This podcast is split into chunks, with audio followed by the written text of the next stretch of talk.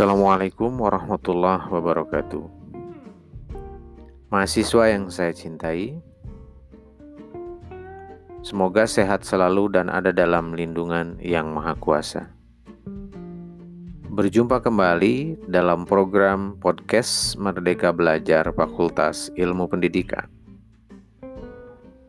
Sebagai salah satu sumber belajar pilihan yang dikembangkan oleh Fakultas Ilmu Pendidikan Perkenalkan, nama saya Asep Suryana, dosen dari Departemen Administrasi Pendidikan. Izinkan untuk menyampaikan materi tentang konsep kepemimpinan pendidikan pada mata kuliah pengelolaan pendidikan. Capaian pembelajaran yang ingin dicapai dengan tersampaikannya materi ini adalah mahasiswa mampu menjelaskan teori kepemimpinan, mahasiswa mampu membedakan perilaku kepemimpinan, dan mahasiswa mampu menyimpulkan keterampilan kepemimpinan pendidikan. Selamat mendengarkan.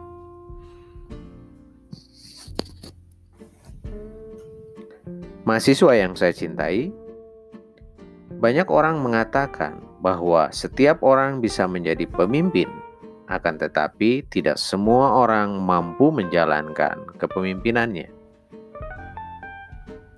Sebagai contoh, seseorang menjadi pemimpin, akan tetapi sebenarnya orang lain yang mengendalikan organisasi.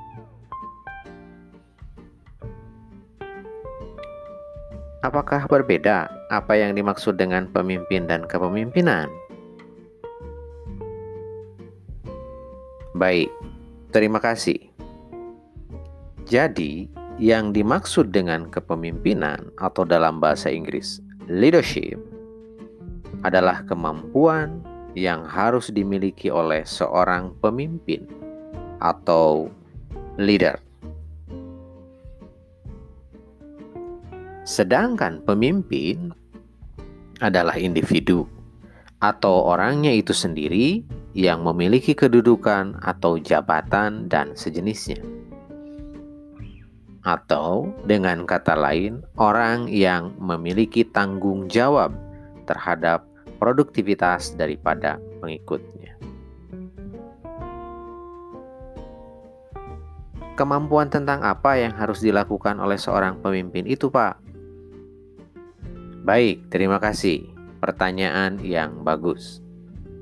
Jadi, kemampuan tentang bagaimana menjalankan kepemimpinannya, lead,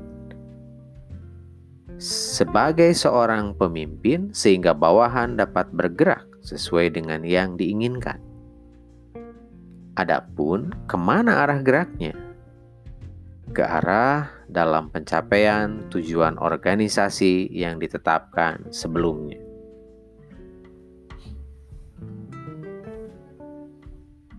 Ke mana sebenarnya arah bergeraknya orang-orang dalam organisasi yang ideal diharapkan? Baik, perlu dipahami bahwa bergeraknya orang-orang harus mengikuti jalur tujuan organisasi yang hendak dicapai, dan bukan merupakan kepura-puraan atau keinginan pemimpin. Jadi, merupakan usaha dari kepemimpinannya itu sendiri, karena bagaimanapun pemimpin itu adalah bagian dari anggota organisasi itu sendiri Adapun pergerakan dalam pencapaian tujuan adalah legitimasi dari sebuah kekuasaan yang dimiliki oleh pemimpin. Karena bagaimanapun bukan hanya sebuah simbol atau kedudukan semata.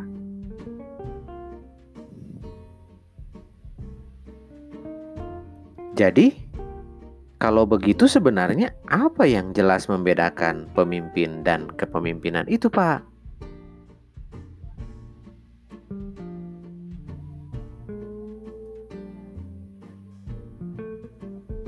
Begini. Kalau disimpulkan secara umum, maka yang dimaksud dengan pemimpin adalah orang yang menduduki jabatan untuk suatu posisi tertentu dalam pekerjaan atau kelompok sejenisnya. Sedangkan kepemimpinan adalah kemampuan untuk membangun motivasi dalam organisasi dan mengangkat moral anggota organisasi. Secara sempit, dapat dikatakan bahwa kepemimpinan adalah seseorang yang mempengaruhi anggota kelompok, mempengaruhi anggota organisasi dalam banyak kegiatan, dan mempengaruhi anggota untuk ikut dalam permintaannya, rela atau tidak rela. Dalam pengertian yang lebih luas, kepemimpinan dapat dikatakan sebagai seseorang yang mengusahakan banyak pengaruh untuk anggota kelompok lainnya, seseorang yang secara sistematis mempengaruhi perilaku anggota untuk mencapai sebuah tujuan, seseorang yang dengan komitmennya penuh terhadap anggota kelompok dalam mencapai sebuah tujuan. Nah, jadi begitu. Paham ya?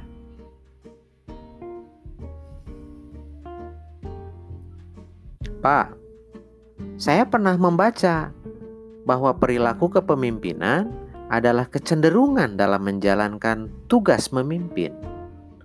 Nah, kalau perilaku itu sendiri apa, Pak?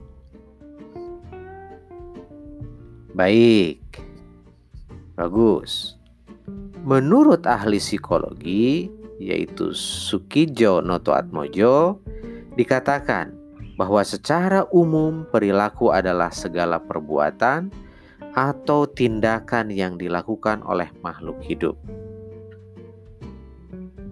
Sementara menurut Robert Y. Quick, perilaku adalah tindakan atau perbuatan suatu organisme yang dapat diamati, bahkan dapat dipelajari. Jadi, perilaku dapat disimpulkan suatu reaksi psikis seseorang terhadap lingkungannya dapat berupa perilaku pasif tanpa tindakan nyata atau konkret atau berupa perilaku aktif dengan tindakan konkret.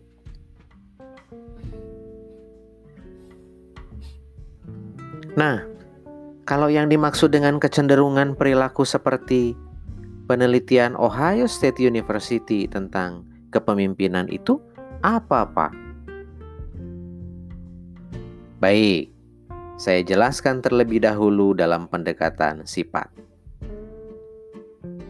Berfokus pada nilai dan kepercayaan pemimpin, personality, kebutuhan untuk berprestasi, orientasi kepada kekuasaan dan kepercayaan diri, mental, fisik, serta atribut emosional Sedangkan pendekatan perilaku berbeda dengan pendekatan sifat.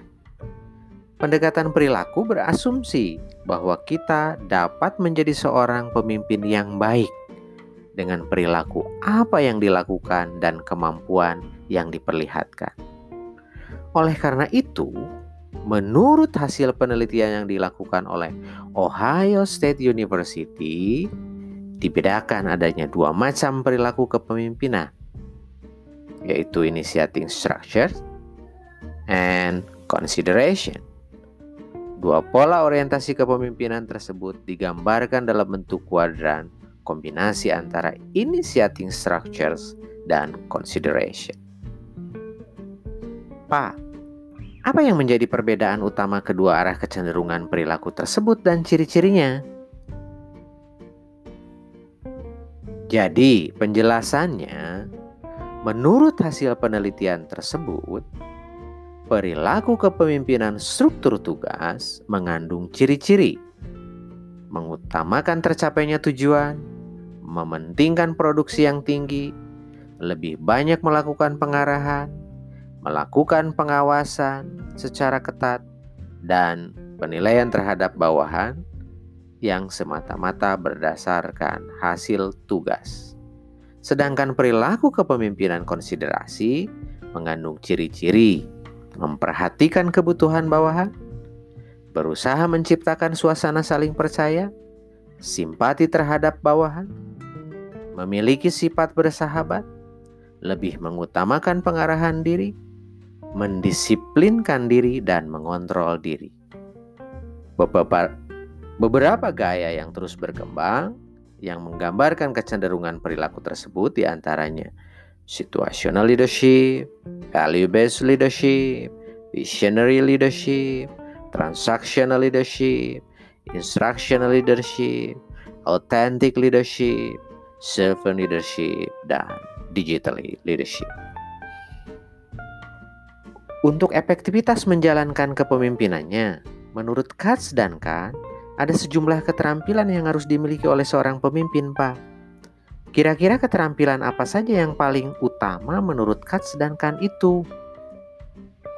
Baik, untuk menjawab pertanyaan tersebut, yang dimaksudkan adalah behavior skill, conceptual skill, dan technical skill.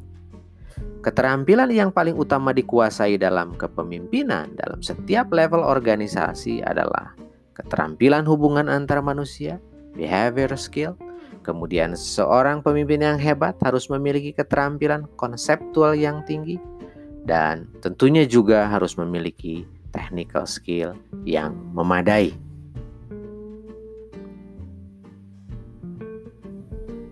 Dalam konteks organisasi persekolahan, keterampilan itu diterjemahkan ke dalam kemampuan apa saja, Pak, oleh seorang kepala sekolah. Baik, terima kasih pertanyaannya. Kepala sekolah sebagai pemimpin harus dapat mengembangkan keterampilan yang meliputi keterampilan dalam kepemimpinan, keterampilan dalam hubungan antar manusia, keterampilan dalam kegiatan kelompok, keterampilan dalam administrasi personil, dan keterampilan dalam penilaian dan pengawasan atau evaluasi. Keterampilan itu dibutuhkan sebagai pemimpin sekolah. Dan supaya berhasil menjalankan kepemimpinannya, maka dibutuhkan keterampilan kepemimpinan untuk menggerakkan orang dalam organisasi. Keterampilan hubungan antara manusia sangat penting karena yang dipimpin adalah manusia. Keterampilan dalam kelompok untuk menjaga keseimbangan dalam struktur organisasi, keterampilan administrasi personil untuk mengenal lebih jauh kapasitas dan kapabilitas orang, dan keterampilan pengawasan untuk meningkatkan efektivitas dan efisiensi dalam pencapaian tujuan organisasi.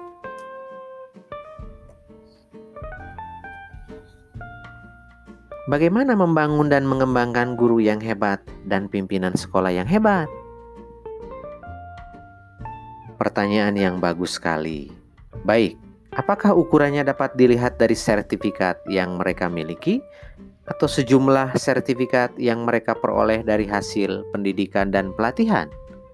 Atau kita bisa melihatnya justru dari pola hubungan yang baik antara guru dan guru, guru dan kepala sekolah, guru dan murid, dan seterusnya juga kemampuan untuk mengikutsertakan siswa dan mendorong mereka untuk belajar. Guru yang hebat dan pemimpin yang hebat lahir dan melahirkan komunitas pembelajar yang profesional, menyediakan waktu untuk bekerja sama, memberikan feedback untuk aktivitas belajar dan pembelajaran, mengikuti pendidikan dan pelatihan, mengembangkan secara terus-menerus kesempatan untuk tumbuh dan berkembang secara profesional guru yang hebat dan pemimpin sekolah yang hebat akan terlihat dari keluaran siswa yang sukses dalam belajar, dalam hidup, dan kehidupan sosial. Mahasiswa yang saya cintai, Demikian paparan materi tentang kepemimpinan pendidikan. Semoga dengan mendengarkan uraian ini, kalian semakin paham berkaitan dengan materi yang disampaikan tadi, sehingga dapat membantu kalian untuk memahami lebih dalam tentang materi ini. Saya ucapkan terima kasih sudah mendengarkan podcast Pendidikan Merdeka Belajar Fakultas Ilmu Pendidikan Universitas Pendidikan Indonesia. Jika masih ada pertanyaan, silahkan Anda dapat follow akun Instagram @vip underscore upi. Untuk teman-teman mahasiswa yang ingin melihat video pembelajaran, dapat juga mengunjungi channel YouTube Fakultas Ilmu Pendidikan. Terima kasih. Saya Asep Suryana undur diri. Sampai jumpa. Assalamualaikum warahmatullahi wabarakatuh.